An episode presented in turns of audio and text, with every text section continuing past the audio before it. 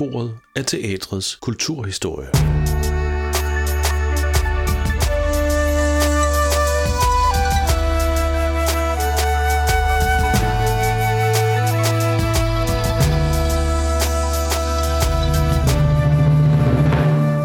Du lytter til Bag Scenen, en podcast fra Teatermuseet i Hofteatret. Bag scenen sætter dig på sporet af historie fra teatrets verden, som ofte ikke finder vej til scenerne og medierne, eller som med tidens gang ville forsvinde og blive glemt. Historier fortalt af mennesker, som har eller har haft deres daglige virke i forskellige hjørner af teatrets verden. I dag kan du møde Lene Vestergaard.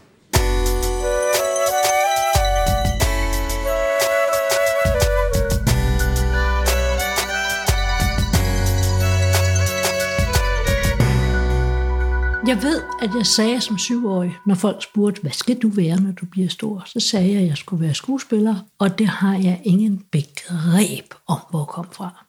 For der var ikke noget. Det var herning. Der var ikke noget at se på. Jeg har muligvis været i Aarhus Teater og set folk og røver i Kardemommeby en enkelt gang. Det var det.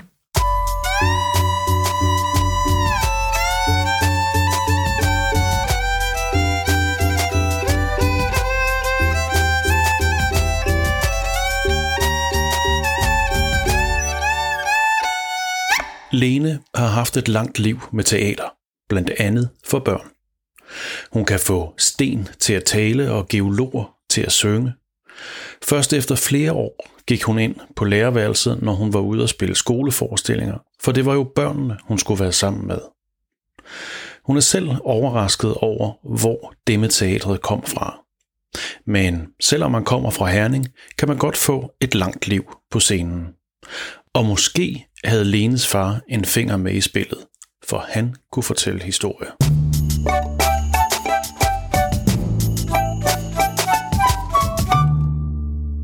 Det kunne han, men det forbandt jeg jo på ingen måde med teaterkunsten. Det var først årtier senere, at jeg kunne se, at der var en, en sammenhæng i det. Han skulle altid lige give en tur, en historie fra sine unge dage til familiemiddagene og den slags. Og når pointen faldt, var det på ravjysk. Så kærester og senere i livet, de endte altid med. Hvad, hvad var det? Så det skulle, der skulle oversættes. Fra spejder og folkeskole og sådan noget, var der noget, der lugtede af, at man kunne øh, stå foran de andre og grimassere lidt, eller finde på noget at sige, eller være sjov, eller sådan noget. Så stod jeg der til stor, stor irritation for min storebror. altså, jeg var jo hele tiden på, og det har jeg så også skulle arbejde med senere hen, at det ikke kun det at være teatret. Nu jeg har trukket mig mere og mere om i baggrunden, og det har jeg det noget så strålende med. Så jeg ved ikke, hvordan jeg selv op i mit hoved fik forbundet det der med at fortælle vidtigheder til små rollespil, og hvad ved jeg, som spejder og i små skolekomedier og den slags. Og selvfølgelig op i gymnasiet blev det så, sørg for at få nogle af de gode roller i uh, Jesus Christ Superstar, og øh, uh, Lasser og Pjalter af Brecht spillede vi, og ja, vi spillede Shakespeare. Når jeg ser billeder af mig som øh, 17-18 år, ikke, så er det inderligste, man kan se, det er mig det er virkelig smerte og sådan noget.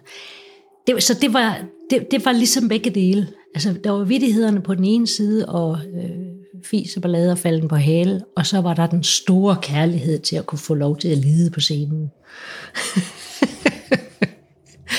så det spænd var der, og, og hvordan jeg vidste det der med, at, at det ville man kunne komme til ved at være skuespiller, det, jeg ved det ikke. Men nu var jeg så heldig, at Teamteatret fandt til Herning, sådan så jeg kunne komme i erhvervspraktik i realen, så der har jeg jo været en 15-16 år. To år i træk, der var jeg i erhvervspraktik, og så gik der ikke mange år, så kom jeg ind på teaterskolen.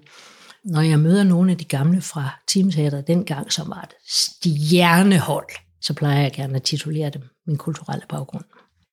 Fantastisk at kunne se øh, indtagelsen af Mexico, hvordan den kunne fortolkes øh, ro og orden i Berlin, øh, Rosa Luxemburg og Karl Liebknecht, mordet på dem, og Socialdemokratiets øh, skisma, skulle de gå med i krig, eller skulle de gå imod krig. Sådan nogle ting var jo for mig chok, at man kunne fortælle sådan nogle kæmpe historier, så vigtige historier, med det, som jeg elskede. Så det gør jo bare min drivkraft til at blive skuespiller endnu større.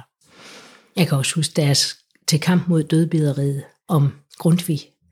Fuldstændig fabelagtig forestilling. Så min indgang til klassisk dannelse var i høj grad det, jeg så på scenen.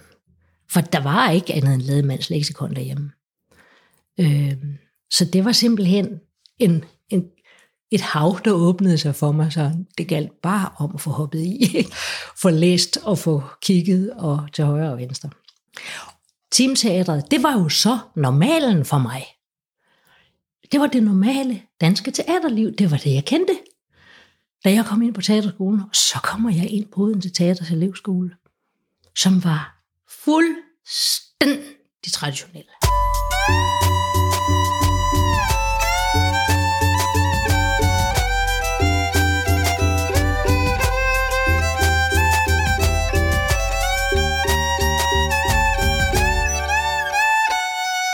Jeg søgte jo ind efter gymnasiet og kom ind i Odense på teaterskolen. Og øh, der gik jeg et halvt år, og så meldte jeg mig ud. Sammen med hele mit hold i øvrigt. Var på forsiden af alle landets aviser. Fordi vi ikke gad være der. Vi synes, det var forfærdeligt reaktionært, og det var det også. Og så var jeg så heldig og øh, kom ind 14 dage efter på Statens Teaterskole. Det passede mig. Der havde det som fiskevandet med alt, hvad der også stadigvæk var. Det var en ret ny skole, der ikke havde fundet sine ben helt endnu. Og der var sikkert mange ting, der er blevet meget bedre senere hen. Øh, men i hvert fald så, det der var det centrale for mig på det tidspunkt, hvad ville jeg selv med teatret? Det var hele tiden det spørgsmål, vi fik. Så øh, det passede mig, at her var vi med til at definere teatret, og ikke kun lære noget. Det var der så meget, der skulle læres af bagefter, fordi jeg kommer jo, som I kan forstå, slet ikke ud af en familie, hvor man forholdt sig til teatret overhovedet. Så øh, jeg havde rigtig store huller, som jeg stadigvæk arbejder på at fylde ud. Min viden om teatret. Og så var jeg temmelig øh, frelst med det, jeg nu allerede vidste. Så efter teaterskole, eller mens jeg gik på teaterskolen i København, var der jo tilbud om at kunne sidde på de øverste billigste rækker på det kongelige teater og sådan noget. Det gjorde jeg da et par gange, men jeg gik der tit i pausen, men jeg synes da ikke, det var passende, det de spillede. Det var der ikke noget at komme med. Der, der var jeg altså meget tidlig øh, ikke nysgerrig nok på også den historiske baggrund, for det, der blev mit fag. Ikke? Det er så kommet lidt til siden. Heldigvis har prøvet at spille noget Holberg, og så ligesom nu med 300 år bag ved os, fået set, hvad han pludselig gjorde af kæmpe forandring, og det at teatret blev tilladt og uden censur, hvad det gjorde af kæmpe forandring. At det så for mig dengang så reaktionært ud, det var jo fordi, jeg havde en meget begrænset horisont. altså, det tog, det tog år før det lukkede sig op. Fordi mens jeg gik på teaterskolen, når jeg, når jeg siger statens teaterskole, som var som, der havde jeg det som en fisk i vandet. Det var også fordi, der kunne man selv få lov at definere. Så vi behøvede ikke at tage os af en hel masse, som vi ikke fattede endnu, hvorfor var vigtigt.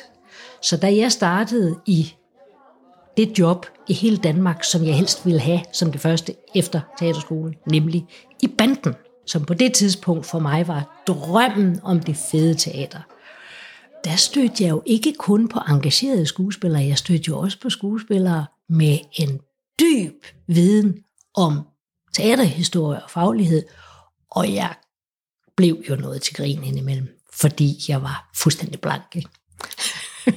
Så der, der skete noget. Efter, efter fem år i banden, som var fantastiske, min første arbejdsløshedsperiode, der startede jeg i første bind af Shakespeare, og så læste jeg og i den periode, der nåede jeg fire bind af fem. Nu kunne jeg mærke, der er virkelig ting, jeg skal tage til mig, fordi folk refererede jo hele tiden til ting, og jeg havde det sådan øh. øh. Så jeg var øh, samtidsrefererende, kan man sige. på, på et tidspunkt øh, i banden, der er, var Michael Ramløse, musiker og administrator og skrivende og alt muligt. Og øh, vi skulle så lave noget øh, musikalsk, og pludselig havde jeg skrevet lige en sang, du ved, ikke? Øh, det gjorde jeg så, og han kunne få den til at blive til en sang, fordi han kunne skrive musikken til den. Og så sidder vi og snakker sammen, og så begynder han at snakke om opera, og jeg var igen blank.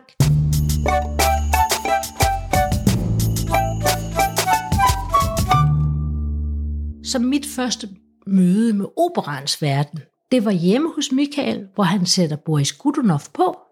Han kunne russisk flydende, og så hørte vi den hele vejen igennem, og han refererede handlingen undervejs. Så øh, det tog flere år, før jeg ligesom kunne se, at det måske var noget for mig at begynde at dyrke, men så tog jeg sådan nogle beslutninger. Det er nu, jeg så også skal vide, hvad opera er, og så begyndte jeg at gå i operan, det kongelige, og på det tidspunkt, der havde det sådan, wow, hvor kan de synge. De var altså ikke så gode til at spille. Så nogle gange så sad jeg med lukkede øjne og så opera. Og det affødte jo straks min fornemmelse for, at det kunne jeg jo nok i virkeligheden gøre lige så godt. Det her det var mange år efter, jeg var holdt op i banden. Og sagde, jeg vil lave en opera. Du skal skrive den. Og jeg ved, hvad den skal handle om. I virkeligheden var inspirationskilden en sang af Jens August Schade, der hedder Storbyens ensomhed. Fordi jeg var klar over, at jeg nok ikke ville kunne få en af de store operaer og stable på benet, så jeg måtte ligesom finde noget, der forholdt sig sådan lidt snævert. I storbyens ensomhed bor folk alene. Man ser i, der, i vinduerne, og man ved, at inde bagved, der har de ingenting med hinanden at gøre. To af dem vil jeg gerne have på scenen. Han og hun. Og de skulle så dele toilet. Endte Michael og jeg med at nå frem til, og det blev så Erik Hårby for Baggård Teateret og mig. Den blev produceret på Baggård Teateret. Og kapellet bestod af en pianist. Den kom til at hedde ved siden af. Altså, vi spillede den jo i årevis, og den blev oversat til syv sprog. Og spillede som åbningsforestilling på den lille scene på den nye Jødeborg Opera og sådan noget. I dag er den svært spillelig på grund af sine kønsproblematikker. Ikke? De var ironisk øh, gengivet og sådan noget, ikke? Men, øh, men hold kæft, en fed forestilling at spille. Og ungerne var små børn, ned til 4. klasse. De var fuldstændig på. Øh, vi sang, og vi sang, og vi sang, fordi vi sang nemlig mine drømme om fremtiden, og hans erindringer om fortiden. Ingen af dem befandt sig endnu ud. Når de mødte hinanden på gangen, så sang de ikke, så talte de. Og det hed Gadi. Øh, nej, vil de ikke? Nej, går de først. Nej, nej. Nå. Det var sådan nogle dialoger, der var. Og så gik de ind til sig selv og sang om, hvor forfærdelig den anden var, eller hvor, hvor vidunderligt det var at springe i havet ned i Rio for hans vedkommende, og hvor hun drømte om, og så videre. Og ender selvfølgelig med at finde hinanden i en dåse skib og lapskovs, eller sådan noget.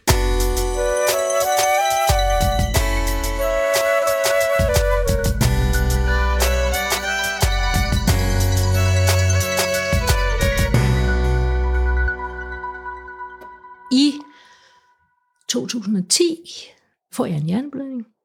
Jeg er så heldig, at jeg dagen efter både kan gå på line og se, hvad klokken er, og ramme mine egne fingerspidser osv. Jeg havde ikke taget skade af den, men jeg var selvfølgelig inde hos en hjernelæge, som kiggede på det og sagde, du har sådan nogle to små dimser om i nakken, og den ene er lidt større end den anden, og det, det er den, der har blødt. Skal jeg fjerne den? Øh, det ved jeg da ikke, siger så. Ja, det er der jo altid en øh, risiko ved, men det er der også ved at beholde den. Efter en hel masse rundt omkring det, blev jeg enig med mig selv om, at han skulle fjerne den. Og så ramte han ved siden af. Og så fik jeg en hjerneskade. Mit billedbehandlingsanlæg fik en skade, så alt så forkert ud. Altså specielt ansigtsudtryk. Alle blev samme alder. På hospitalet, der øh, kunne jeg ikke se, hvem der var de ansatte, og hvem der var patienterne. Men efter halvt døgn, så tænkte jeg, der har sting i panden eller i hovedbunden, det er sgu nok patienterne. Alle havde samme alder. Jeg kunne ikke kende forskel på dem. Så jeg elskede de to sygeplejersker, som øh, han havde kæmpe øreringe, kæmpe huller i ørerne, og hun havde knald lilla hår. De to kunne jeg skille ud fra. Resten de forsvandt ind i. Den her, hvad skal man sige, rystelse af et liv, var dødspændende. Jeg blev så nysgerrig på alt det, jeg opdagede ved, hvordan hjernen fungerede ved det her. Ikke? Fordi det var så lille, bitte, bitte en ting. Jeg kunne alting. Jeg kunne huske alting. Men der var en del af synssansen, som pludselig gjorde, at jeg skulle kombinere på nyt. Jeg tror, jeg har haft det ligesom et lille barn, der skulle ligesom se ting igen, og sige, når det er sådan, det er. Det gik så hurtigere for mig, ikke?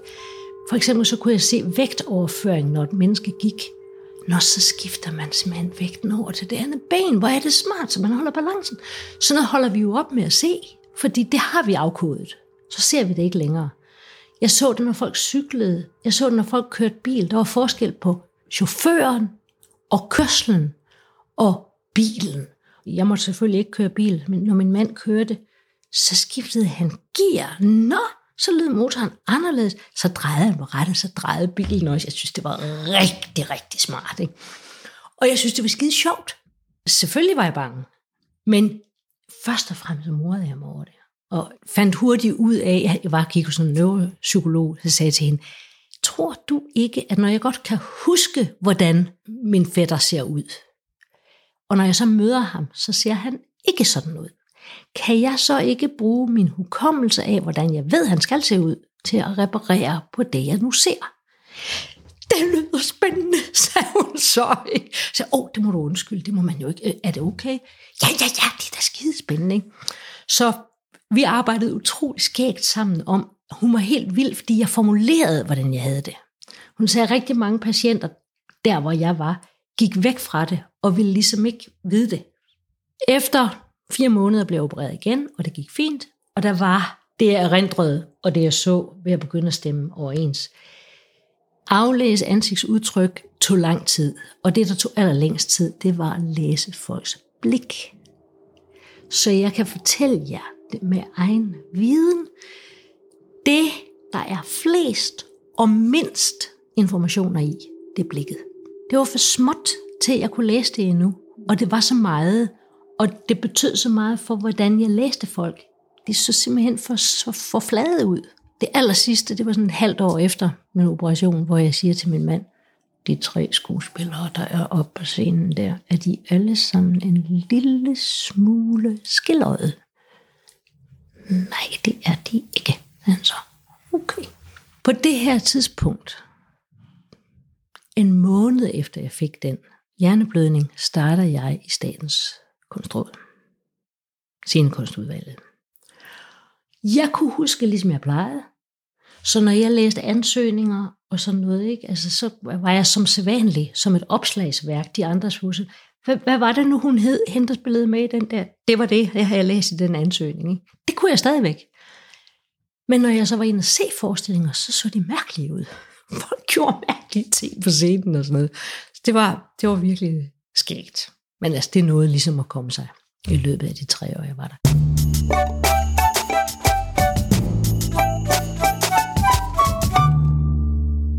Jeg droppede at være bange for at lave teater. Og for at kaste mod i projekter, jeg tidligere ville ikke have turet. Fordi, herregud, nu havde jeg været ude og hilse på Perleporten. Ikke? Det var et tilfælde, jeg ikke græssede af ved den lejlighed der. Ikke? Det værste, der kunne ske, det var, at det ville gå dårligt. Og hvad så?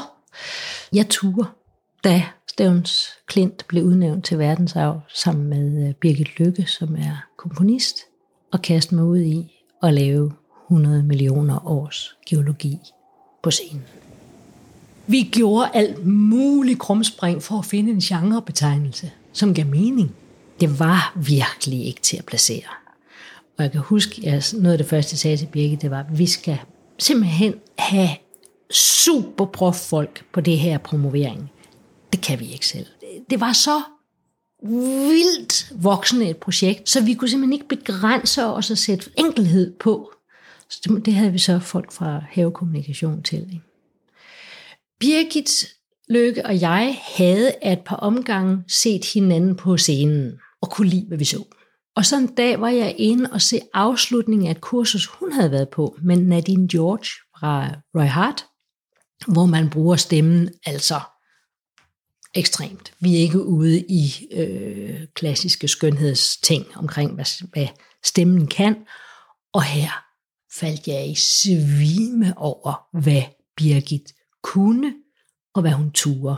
Så jeg gik simpelthen hen til hende bagefter og sagde, jeg vil bare gerne lave noget med dig. Og det bliver vi jo alle sammen så glade for. Så hun sagde, jeg vil også gerne lave noget med dig. Det vidste vi så i noget tid. Så kommer Asterions hus til Stævns og spiller en forestilling nede i Bosdal Kalkbrud, hvor der ligger en pyramide, 12 kanter. Øh, Birgit har lavet musikken til den forestilling. Og den, der skal de sådan i løbet af et døgns tid flytte ind i, jamen så op ad den væg der, der laver vi den scene, og så stiller vi os derop og laver afskeden. Så går vi ind i den der faldefærdige ruin der, og laver den scene, og så videre, specifikt der. Og inde i pyramiden, hvor der er 6-8 sekunders efterklang, der gik Birgit jo amok. Hun gik og råbte med sig selv, og hun øh, slog på ting, som hun altid gør. Så, og, og de lyde, blev, altså er bare fantastisk i det rum, så hun havde ligesom sådan, det der, vi laver noget. Vi ved ikke nu, hvad det er. Så vidste vi to ting. Så gik der på, så møder jeg i 2014, står jeg i en ølkø ude på Refshaleøen og siger, hej Birgit, nu er Stævns Klint lige blevet udnævnt til verdensarv. Ingen af os havde fattet dybden af, hvad det betød, men vi var klar over, at det måtte vi jo så lave. Ingen af os vidste, hvad det indebar. Men de, alt det her talte jo sammen. Pyramiden der var brugt til at opbevare kalk i fra Clinton, så alt talte fuldstændig sammen. Og så gav vi os ellers til at studere med geologer og geus og hvad ved jeg, og der endte jo med at komme nogle af landets spidsgeologer og sådan noget med som amatørsangere i forestillingen. Så de havde adgang til alt det videnskabelige materiale, vi havde brug for. Vi havde klangen af jorden med, og alt sådan noget, som bare kunne behandles. Og det voksede sammen på en måde. Ideen om at lave noget, der skulle være så stort, så var jeg klar over, den økonomi, der skal til det, øh, får vi ikke bare lige. Så vi skal have alt muligt til at komme til os. Jeg har aldrig været sådan øh, PR-agtig. Jeg har været imod, jeg har rigtig, været rigtig dårlig til det. Jeg opfattede de mest vanvittige ting. Altså skrev ud om, hvem har øh, laner og du, de skal være hvide, som vi må få. Vi fik ikke særlig mange ud af det, men folk sagde, hvad skal I bruge dem til? Hvis I kommer hjem og river dem i stykker hjemme hos mig, så fortæller jeg om det. Så holdt vi rivegilde hjemme i min have, og pressen fandt ud af, der er et eller andet, der genererer noget her. Så de skrev med hele tiden, så det blev sådan lokalt. Hvem har nogle glas, som jeg kan få til at spille i det antal hertz? Det ved vi da ikke noget om. Hit med dem, så kan jeg se på det. så det blev sådan noget med at involvere folk. Jeg fik folk til at samle korkpropper ind. Hvad skal du bruge dem til? Ja, I er nødt til at vente og se. Jeg lavede sådan en blanding der, ikke? og fik alle mulige til at deltage i at gøre ting. Folk hang plakater op, folk 8 km kabel skulle der hænges op.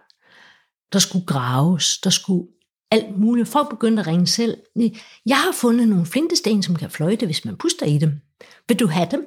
Det vil jeg da i hvert fald, og selvfølgelig var de med i forestillingen. Ikke? Så det blev sådan noget, hvor alle spillede ind i det, og det var jo helt vildt at stå midt i. Det havde jeg aldrig turet.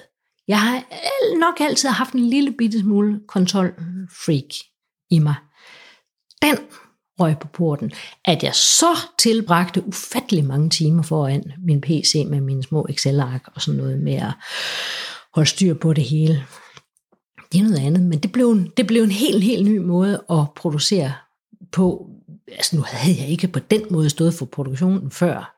Det kom jeg til nu instruktion og PR og fundraising og alt muligt løb ligesom sammen for mig og blev til sådan en stor levende dyr, som jeg stod og red Det var fandme sjovt. det var det.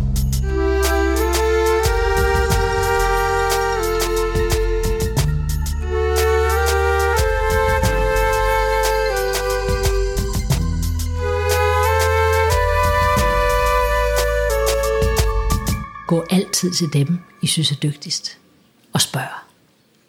Vil du lege med mig? Vil du lave noget sammen med mig? Og hvis de ikke vil, så vil de altid gerne foreslå nogle andre. Det synes jeg er det vigtigste. Det tog faktisk mange år for mig at tage mig sammen til det. Det var ikke mig, der fandt på at spørge Inger Christensen, om hun ville skrive en forestilling til øh, vores lille selvbestaltede gruppe. Men det var der nogle andre, der fandt på at spørge hende om.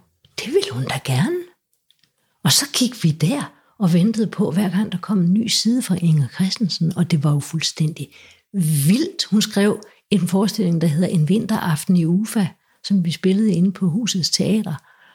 Og altså, man fattede jo næsten ikke selv, hvad man havde med at gøre, men man kunne mærke det. Det var ligesom om, hun kunne skrive, sådan så virkeligheden pludselig forsvandt under en.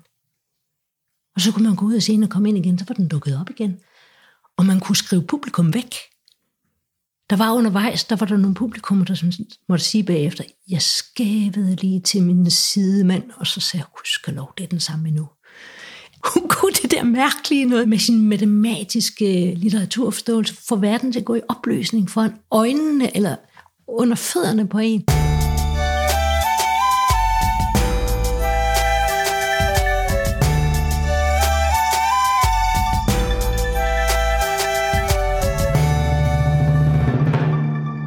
Lyttet til Bag scenen på lydsporet af teatrets kulturhistorie. Du har været i selskab med Lene Vestergaard. I næste podcast kan du møde Per Kap Bæk Jensen. Følg med via Hofteatrets hjemmeside eller i din podcast-app. Tak fordi du lyttede med.